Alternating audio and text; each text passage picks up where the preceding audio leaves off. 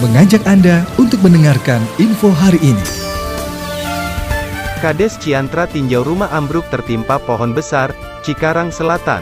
Akibat hujan deras yang disertai angin kencang, tiga rumah di Kampung Kukun RT 09, 05 Desa Ciantra Kecamatan Cikarang Selatan ambruk tertimpa pohon besar, pada Rabu sore, tanggal 6 Mei tahun 2022, beruntung dalam kejadian tersebut tidak ada korban jiwa ataupun luka, dikarenakan ketika kejadian, para penghuni tiga rumah sedang berada di rumah tetangganya.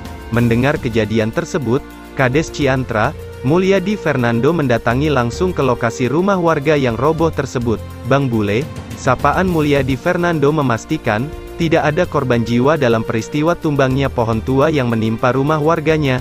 Alhamdulillah tidak ada korban jiwa.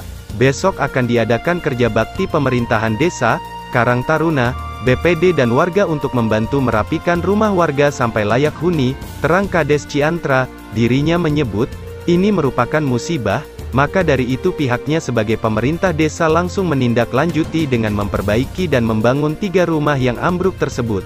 Ia juga, mengimbau agar masyarakat Ciantra berhati-hati sebab kondisi cuaca yang sangat ekstrim akhir-akhir ini seperti hujan disertai angin kencang yang dapat menyebabkan bencana, Warga harus waspada jika rumah tinggalnya dekat daerah rawan bencana, seperti dekat pohon besar yang sudah lapuk, semestinya sebelum terjadi sesuatu, ditebang aja pohonnya, kata dia. Sementara itu, Jaka, salah satu pemilik rumah menjelaskan pada saat kejadian dirinya tidak ada di rumah dikarenakan khawatir pohon tua besar di samping rumahnya tumbang.